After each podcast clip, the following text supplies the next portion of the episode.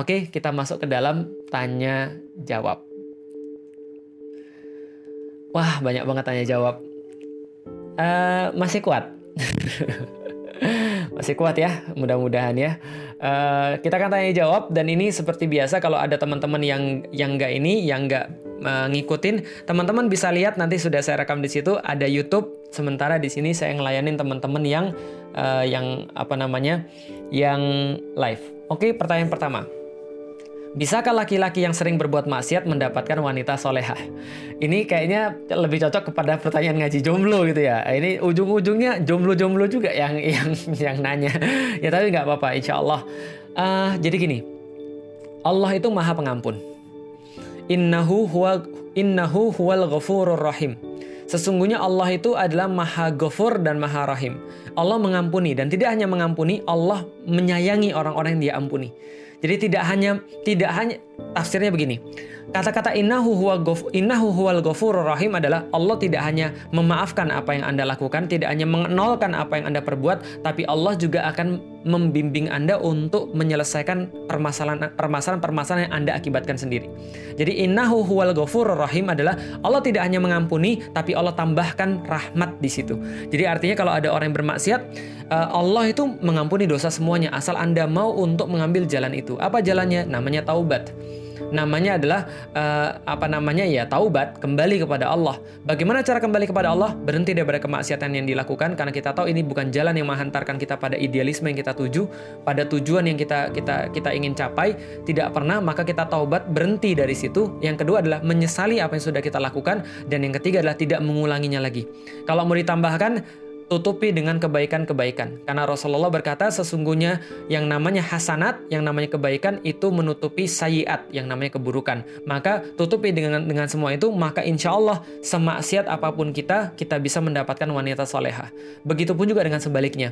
Semaksiat-maksiatnya seorang perempuan, separah-parahnya seorang perempuan ketika dia datang kepada Allah dengan sebuah kerendahan hati, lalu kemudian sebuah pengakuan yang jujur daripada dirinya, lalu mengatakan, Ya Allah, saya bertaubat kepadamu, Ya Allah, saya ingin hidup lebih lebih baik, saya mau berhenti daripada semua ini. Masa depan yang saya ingin inginkan bukan ada pada masa depan yang seperti sekarang yang saya lakukan, maka saya pengen berubah ya Allah. Maka dia berhenti daripada kemaksiatannya, dia tidak mengulanginya lagi dan menyesal yang sudah lalu, maka Allah akan pasangkan dia dengan laki-laki yang baik juga insya Allah.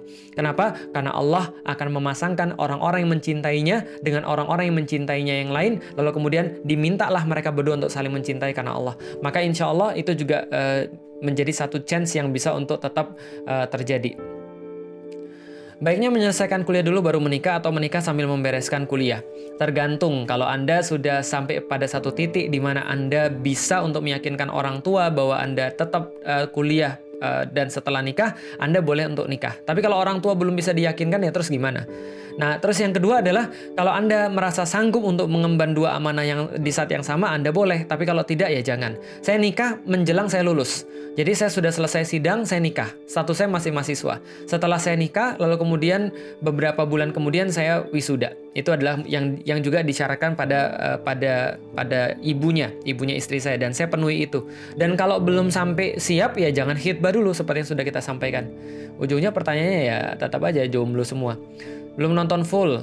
Pandangan tentang patriarki gimana? Islam tidak mengenal patriarki dan tidak mengenal uh, apa namanya ma patrilineal dan matrilineal. Enggak atau patriarki dan uh, matriarki enggak mengenal begitu. Tapi Islam mengenal adalah apa yang Allah perintahkan itu yang kita lakukan.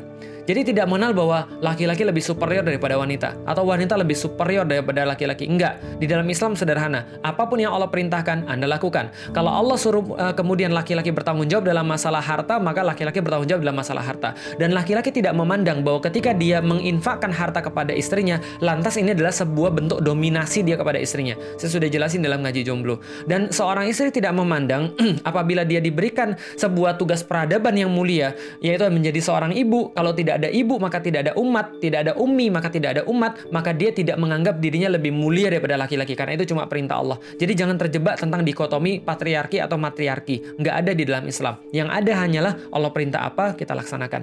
Gitu ya. Uh, bagaimana jika setelah menikah wanita tetap bekerja dengan niat untuk membantu orang tua? Sudah saya sampaikan, bekerja di dalam Islam itu hukumnya mubah, boleh-boleh saja. Istri saya ketika saya masih, uh, saya dulu nikah, nggak punya kerjaan, Punya sih, lalu dipecat. Lalu saya punya kerjaan gajinya 2 juta per 2 bulan. Anda bisa bayangin hidup di Jakarta 2 juta per 2 bulan. Mepetnya minta ampun. Maka waktu itu saya minta istri saya untuk jualan. Jualan apa? Dia jualan hijab. Waktu itu belum belum hijab alila. Dia masih reseller ke orang, dia jualan untuk bantuin saya sebagai suaminya. Boleh nggak? Boleh. Walaupun tidak harus. Karena harusnya nyari nafkah adalah laki-laki. Kalau Anda mau bekerja, ya tergantung ridho suaminya. Kalau suaminya ridho, ya sudah bekerja. Kalau misalnya suaminya nggak ridho, ya jangan. Kenapa? Karena suami yang punya kewajiban untuk itu. Apalagi kalau kerjaan-kerjanya itu kerjaan-kerjaan yang bersifat uh, resiko. Ya, resiko itu apa? Yang memungkinkan terjadinya hal-hal yang tidak diinginkan. Tapi kalau kerja boleh nggak? Ya tetap boleh di dalam Islam, nggak ada masalah. Islam tidak pernah me mengekang seorang perempuan untuk nggak boleh bekerja. Nggak. Islam nggak pernah mengekang wanita untuk tidak boleh nyetir. Nggak. Islam nggak gitu. Kalau ada yang gitu, ya terserah kalau dia punya penafsiran yang begitu. Yang saya kemudian dapat daripada guru-guru saya, nggak begitu. Kalau gitu kita lihat lagi. Belum paham tentang dalil mihna. Oke, jadi gini teman sekalian. Jadi dalam dalam uh, dalam pakaian wanita itu ada pakaian rumah, ada pakaian keluar rumah. Maka dalam hadis-hadis kita lihat uh, Rasulullah berkata pada para wanita bahwa mereka harus menutupi auratnya. Di dalam Al-Qur'an ada dalam surat An-Nur ayat 31 dan surat Al-Ahzab ayat 33. Eh sorry, surat Al-Ahzab ayat 59 tentang jilbab dan tentang kerudung.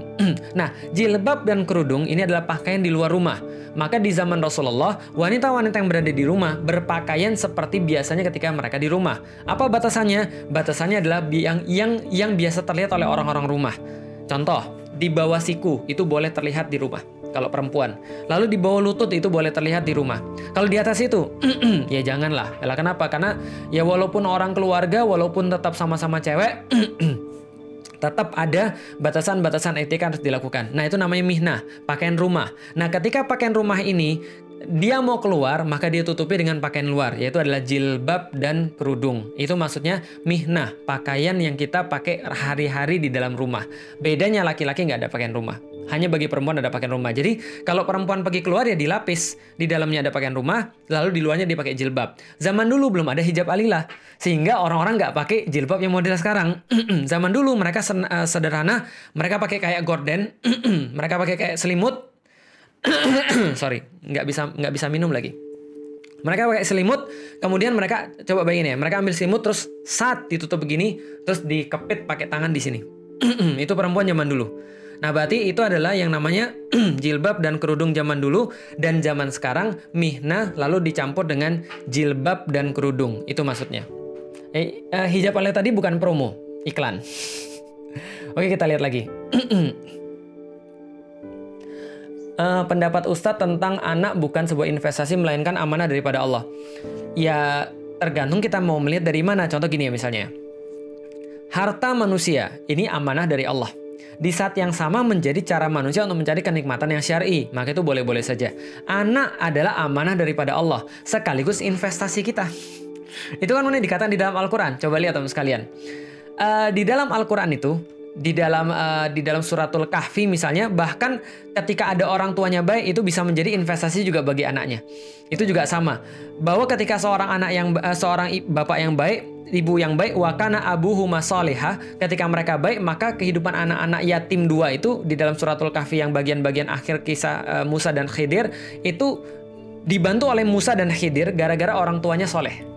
Itu kemudian yang bisa kita lihat. Di dalam hadis yang tadi terputus amal-amalan anak Adam kecuali tiga. Nah itu Allah sendiri sudah mengatakan bahwa anak itu investasi bagi Anda. Berarti ketika Anda ada di dalam kubur, anak-anak bisa mengirimkan pahala bagi Anda. Maka setiap kebaikan-kebaikan anak akan menjadi kebaikan orang tuanya. Berarti ya sudah, nggak ada masalah.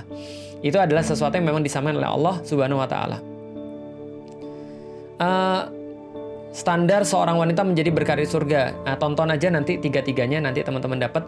Begitu juga dengan pertanyaan yang lain bagaimana pandangan Islam tentang feminisme dari tadi saya sudah jelasin uh, begitu juga dengan dengan dua video yang lain juga saya sudah jelasin pandangan saya tentang bukan pandangan saya pandangan Islam tentang feminisme apakah cenderung negatif? Ya kalau sekarang ya jadinya negatif. Kenapa? Karena yang mereka lakukan bukan hanya memperjuangkan hak-haknya perempuan tapi sudah mulai nyenggol-nyenggol yang lain. Sudah mulai mengatakan Islam adalah agama bias gender, sudah mulai melegitimasi keburukan-keburukan atas nama feminisme, boleh telanjang, boleh buka uh, boleh buka aurat seenaknya, boleh kemudian untuk melecehkan agama, boleh untuk apa namanya misalnya melecehkan institusi pernikahan dan institusi uh, keluarga dan seterusnya, yaitu tidak begitu.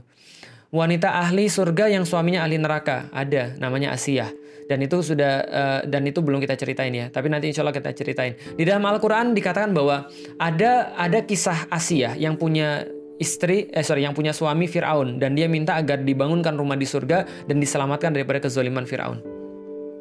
Cara agar seorang bapak tergerak hatinya untuk mencari nafkah. Dia nganggur-nganggur dan minum-minum. Ya ini namanya ini namanya dakwah ya teman sekalian. Dan dakwah itu nggak bisa instan. Dan jangankan jangankan bapak-bapak yang nganggur-nganggur dan minum-minum, bapak saya masih belum muslim. Dan setiap waktu saya berusaha untuk ngomong pada bapak saya, menyampaikan bahwa Islam itu seperti apa dan berharap berdoa bahwa bapak saya masuk Islam. Ya udah nggak ada yang bisa kita lakukan selain kita coba untuk mendakwahi mereka, coba untuk ngomong, sampaikan bahwa ya kamu nggak menjadi contoh yang baik buat saya. Kalau misalnya kamu mau melakukan kayak begini, misalnya, tapi kamu nggak di depan saya, itu kamu nggak ada masalah. Tapi kamu punya anak, kamu punya tanggung jawab, mbok ya mikir dan segala macamnya. Ya coba untuk diajak ngobrol, coba untuk diajak komunikasi, ya, coba untuk bicara dari hati ke hati dan nggak ada pakem untuk ngomong kayak begini. Bisa juga dikasih uh, dikasih uh, Pak ini ada ada ceramah bagus nih dari Ustadz Somad kalau mau nonton dia nggak mau misalnya kasih Ustadz Adi Hidayat, nggak mau kasih Ustadz Hanan Ataki, nggak mau kasih Felix Xiao, oh, malah jadi radikal ya, gitu kan. radikalis romantis, gitu kan ya. Jadi ya itu caranya, tapi ya nggak ada cara selain berdakwah, itu aja. Uh, seorang perempuan mengimbangi karir dunia dan akhirat. Kita nggak kita nggak pakai kata-kata mengimbangi, tapi sebenarnya amal manusia adalah wabtagi fi ma'atakallahu daral akhirah Sesungguhnya kita diminta oleh Allah ambil sehebat-hebatnya, ambil semaksimal mungkin apa yang sudah Allah sediakan bagi Anda darul akhirah, yaitu adalah negeri akhirat, akhirat Anda. Walatan sana si minat dunia, tapi jangan lupa sekarang engkau lagi ada di dunia. Jadi ya tidak ada salahnya untuk sedikit memperhatikan duniamu. Dalam arti kita tuh tujuannya selalu akhirat, tapi dunia adalah tempat kita beraktivitas untuk mencapai akhirat. Jadi jangan dipisah-pisahkan. Hari ini dunia, besok akhirat. Oh, hari ini dugem, besok kemudian pergi ke masjid. Nggak gitu caranya. Oh, hari ini kita membelanjakan untuk sesuatu satu misal contoh beli beli beli uh, tas 300 juta merek-merek yang sulit disebut itu lalu kemudian besok kita akan bersedekah. Nggak gitu. Maksudnya adalah kita menggunakan seluruh harta kita di dunia untuk akhirat kita. Kita menggunakan seluruh energi kita di dunia untuk akhirat kita. Kita menggunakan seluruh apa pun yang Allah perintahkan kepada kita Allah titipkan pada kita untuk akhirat kita termasuk karir kita termasuk menjadi seorang muslimah termasuk punya anak dan seterusnya. Artinya kita tetap pandangannya akhirat, cuman aktivitasnya di dunia. Nah, batasannya apa? Ya kalau yang haram jangan lakukan udah itu aja. Yang haram jangan lakukan udah gitu aja. Yang lainnya boleh silahkan kalau Anda mau. Yang haram jangan itu aja. Uh, apa benar sumur, kasur, dapur itu tugas wanita? Ada yang bilang semuanya adalah tugas suami. Tugas suami dan tugas perempuan berbeda karena karena laki-laki sudah dibebankan untuk menjadi seorang pencari nafkah, untuk men, uh, untuk menjadi penca, uh, untuk menjadi yang mengamankan dalam bidang harta, amwalihim menjadi harta-harta mereka itu harus mereka mengamankan, maka segala sesuatu yang lain bisa di cover oleh wanita. Betul, tidak semua harus dilakukan oleh wanita. Rasulullah ketika di rumah membantu istrinya mencuci, men, membantu istrinya membantu istrinya untuk menenun atau bukan menenun, menjahit, membantu istrinya dalam pekerjaan-pekerjaan yang bisa dia lakukan lakukan. Tapi bukan berarti juga perempuan lantas menolak, aku nggak mau karena itu stereotip. Nah itu yang kemudian menjadi pandangan feminisme. Seolah-olah menganggap kasur, dapur, lalu kemudian sumur, kasur, dapur itu perbuatan yang hina, perbuatan yang bersifat perbudakan rumah tangga. Nggak gitu juga. Jadi kita nggak memandang ini perbudakan rumah tangga dan juga tidak memandang bahwa laki-laki tidak boleh melakukan. Ya itu adalah kerjaan rumah tangga. Ya sudah lakukan saja. Namanya juga konsekuensi daripada kehidupan. Coba antum bayangin kalau antum sudah menjadi seorang ibu, ya kalau antum punya anak, ya berarti ketika anak itu mohon maaf BAB harus dibersihkan. Kemudian kalau ketika dia BAB ya harus dibersihkan. Apakah ketika membersihkan itu lantas kita dikatakan sebagai cleaning service? Atau atau atau kita dianggap sebagai orang-orang yang berpekerjaan hina? Enggak karena tergantung bagaimana persepsi Anda. Kalau Anda menganggap persepsi Anda bahwa perempuan itu harus yang keren tuh yang kayak gini, yang kerja kantoran, yang mendapatkan gaji dua digit, bisa merintah-merintah orang, bisa pergi ke luar negeri, maka Anda bisa jadi menganggap pekerjaan yang kayak gitu hina. Di kasur, dapur, uh, sumur menjadi hina. Tapi bagi orang berpersepsi, seperti yang saya jelasin kemarin tentang asma yang ditanya yang nanya pada Rasulullah, kayaknya pekerjaan eh, laki-laki keren semua pahalanya. Kenapa kita kerjaannya di rumah nggak keren gitu? Rasul katakan, semua yang Anda lakukan di rumah itu menyamai seperti mereka. Cuma kadang-kadang perempuan nggak tahu gitu aja. Cuma perempuan kadang-kadang nggak tahu kekerenan itu. Semudah itu dan mendapatkan pahala yang keren banget. Itu yang, yang kita sampaikan bahwa itu tugas rumah tangga ya berbagi. Karena laki-lakinya lagi di luar, masa harus nunggu laki-lakinya pulang baru kemudian menyelesaikan? Ya enggak, maka dia menjadi penyelesai daripada rumah itu. Itu maksudnya. Jadi dapur, kasur, sumur itu mostly adalah urusan rumah yang dibebankan pada perempuan. Tapi bukan berarti laki-laki bisa uh, tidak boleh melakukan. Dan sumur, kasur, dapur adalah tugasnya perempuan. Tapi bukan berarti ketika Anda melakukan itu Anda hina. Kita sudah bahas dari kemarin-kemarin. Jadi itu adalah yang perlu teman-teman ulangi lagi kalau misalnya. Apa hukumnya wanita bercadar dan laki-laki mengupload foto selfie-nya di media sosial? Jadi gini, saya pernah dibully pada tahun 2015 kalau saya nggak salah gara-gara mengatakan bahwa selfie itu haram. Pertama, saya nggak pernah mengatakan selfie itu haram. Yang saya sampaikan adalah waktu itu tahun 2015 atau 2000 berapa, 2012 atau 2000, 2013 atau 2014 nanti coba dicek lagi. Waktu itu teman-teman sekalian, orang baru punya kamera depan banyak banyak HP yang baru punya kamera, jadi mereka foto dirinya, lalu kemudian dijulurkan lidahnya dengan dengan apa namanya mimik muka yang aneh-aneh untuk menunjukkan tentang eksistensi uh, diri mereka. Dan ini adalah sesuatu yang berbahaya. Kenapa? Karena Waktu itu kita tahu Narsisus itu seorang yang uh, diceritakan di Yunani itu menjadi celaka. Dia dia jatuh ke uh, ke danau gara-gara memandang itu wajahnya di cermin. Jadi uh, merasa takjub dengan dirinya sendiri. Nah, yang saya soroti itu, yang saya soroti adalah efek yang bersifat efek hati, efek kolbu, bukan fisiknya. Karena kalau misalnya dikatakan selfie, selfie itu bukan sebuah foto, bukan, tapi cara ngambil foto. Kayak sekarang, ini namanya selfie. Walaupun ini live, ini namanya selfie. Kenapa? Karena saya nggak punya orang lain di sini. Istri saya dibawa lagi lagi urusan urusan rumah tangga. Anak-anak saya lagi ada urusan sendiri. Apa? Main. Bapaknya live, maka sekarang saya lagi selfie sendirian. Maksudnya melakukan segala sesuatu by myself dengan sendirian. Maka ketika ada orang moto sendiri namanya selfie. Apakah dia fotonya bareng-bareng atau dia fotonya sendirian, maka namanya selfie prosesnya. Karena selfie itu menjadi proses untuk ngambil foto. Ada orang mengatakan, ada istilahnya, oh kalau bareng-bareng namanya wifi, karena ngambil fotonya bareng-bareng. Bisa, tapi prosesnya tetap namanya selfie, karena tidak difotoin sama orang. Itu harus diketahui. Jadi selfie itu prosesnya nggak ada masalah. Yang penting adalah apa efek yang pengen kita lakukan.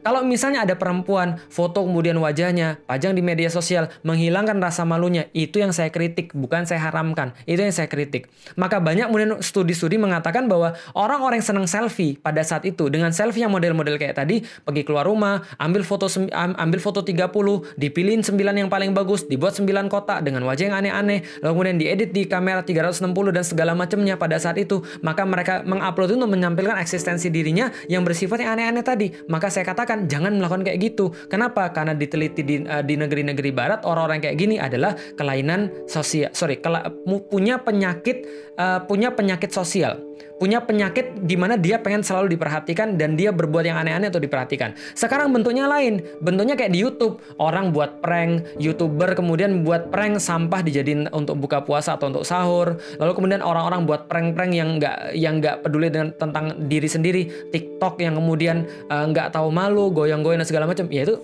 ya itu, bentuk selfie yang saya kritik dulu. Jadi bukan selfie-nya yang saya kritik, tapi bentuknya itu. Paham ya? Jadi saya nggak pernah mengharamkan selfie. Nah yang kedua, uh, hukumnya wanita bercadar. Wanita bercadar hukumnya adalah di dalam mazhab syafi'i itu justru diperintahkan. Hanya saja tidak satu pendapat, ada pendapat-pendapat yang lain. Maka saya sering menyampaikan, singkatnya begini teman sekalian. Ada banyak pembahasan para ulama ketika mereka membahas tentang aurat perempuan. Tapi tidak ada satupun ulama yang mengatakan, ulama-ulama yang salaf yang mengatakan bahwa mereka tidak wajib tutup aurat. Semua mengatakan mereka wajib tutup aurat, cuma batasan auratnya sampai di mana. Nah, ini yang singkatnya ya. Dalam tafsir surat An-Nur ayat 23, ketika Allah mengatakan illa ma minha, mereka menutupi seluruh tubuhnya kecuali apa yang sudah biasa tanpa illa ma minha. Maka waktu itu Ibnu Mas'ud mengartikan bahwa yang dimaksud dengan yang harus ditutup adalah keseluruhan tubuh wanita, termasuk wajahnya. Ibnu Abbas punya pendapat yang dimaksud semuanya harus ditutup adalah semua badan wanita ilama minha kecuali yang boleh tampak daripadanya yaitu adalah wajahnya dan telapak tangannya. Maksudnya tangannya ini, telapak tangannya. Itu pendapat Ibnu Abbas. Maka Ibnu Mas'ud dan Ibnu Abbas berbeda dalam memaknai satu ayat dan dua-duanya sama-sama betul. Maka satu ayat yang memaknai bahwa wajah harus ditutup, yang lain memaknai wajah boleh dilihat selama yang lain nutup aurat dan itu pun tidak boleh dilihat secara dipantengin. Karena ingat di dalam ayat sebelumnya Sebelum Allah membahas tentang aurat, Allah katakan di dalam uh, di dalam Al-Qur'an bagi laki-laki kulil uh, mu'minin ayyaghuddu min absarihim. Katakan pada laki-laki semuanya dan laki-laki yang disuruh duluan, tundukkan pandangan mereka. Jangan jelalatan tundukkan pandangan mereka. Setelah memperingatkan laki-laki, wa kullil mu'minat dan katakanlah bagi perempuan ayyakhdudna min absarihinna. Maka mereka harus tundukkan juga pandangan-pandangan mereka. Jangan jelalatan juga. Laki-laki jangan jelalatan, perempuan jangan jelalatan. Saya mengambil yang mana? Saya mengambil bahwa perempuan boleh untuk bercadar walaupun tidak wajib. Tapi ulama-ulama yang lain ada yang mengatakan wajib dan itu adalah mazhab Syafi'i dan kita nggak bisa melarang. Kita nggak bisa mengatakan bahwa itu adalah budaya Arab. Kita nggak boleh bilang bahwa itu adalah sesuatu yang salah. Dan itu memang sesuatu yang betul. Sesuatu yang memang ada dalilnya di dalam Islam. Itu tentang cadar. Dan mengupload fotonya di media sosial boleh atau enggak bagi perempuan? Saya mengambil boleh. Kenapa tidak? Karena kalau kita boleh melihat wanita di di tempat yang uh, di tempat kehidupan sehari-hari, maka kita juga boleh melihat wanita di media sosial. Yang nggak boleh kalau sebagaimana Anda nggak boleh mantengin mereka ketika di uh, kehidupan nyata kalau nggak ada keperluan, maka Anda juga tidak usah mantengin ketika di uh, di media sosial. Kemarin ada yang bilang pada saya, Ustadz contoh misalnya hijab alila misalnya. Uh, Ustadz bahas tentang eksploitasi wanita. Apakah hijab alila itu bukan eksploitasi wanita? Hijab alila itu jualan hijab. Jualannya pada perempuan. Lah kalau ada laki-laki yang datang ke sana, itu nyari masalah baru. Kenapa? Dia jual hijab untuk perempuan dan Anda tidak pakai hijab. Kecuali kalau Anda mau beli untuk istri Anda, Anda mau beli untuk ibu Anda, silahkan. Tapi yang yang kemudian yang mereka yang mereka tujukan adalah perempuan-perempuan bukan laki-laki. Jadi beda seperti misalnya contoh pramugari yang memamerkan kemolekan tubuhnya untuk laki-laki atau misalnya contoh car exhibition model-model uh, model-model uh, mobil misalnya. Ketika mereka menggunakan badannya untuk menarik menarik uh, ya syahwatnya laki-laki ataupun yang lain yang kita bahas kemarin. Jadi itu adalah tentang uh, wanita bercadar dan upload selfie di media sosial. Tinggal satu menit lagi dan saya bisa cuma menjawab satu pertanyaan lagi Hukum wanita bekerja di luar lingkup rumah sudah saya jelaskan boleh asal kemudian berdasarkan hukum-hukum syariat nggak ada masalah asal ya asal jangan yang haram. Bagaimana kita bisa menjadi wanita berkarir surga? Oke nanti silakan tonton tiga-tiganya sampai habis. Uh, sebentar. Bagaimana caranya agar wanita kantoran bisa juga memperoleh keberkahan berkarir surga? Niatkan untuk untuk membina generasi yang terbaik di dalam Islam, insya Allah. Yang terakhir, Makasih semua ilmunya. Oh iya, baik. Terima kasih. Karena tinggal 30 detik.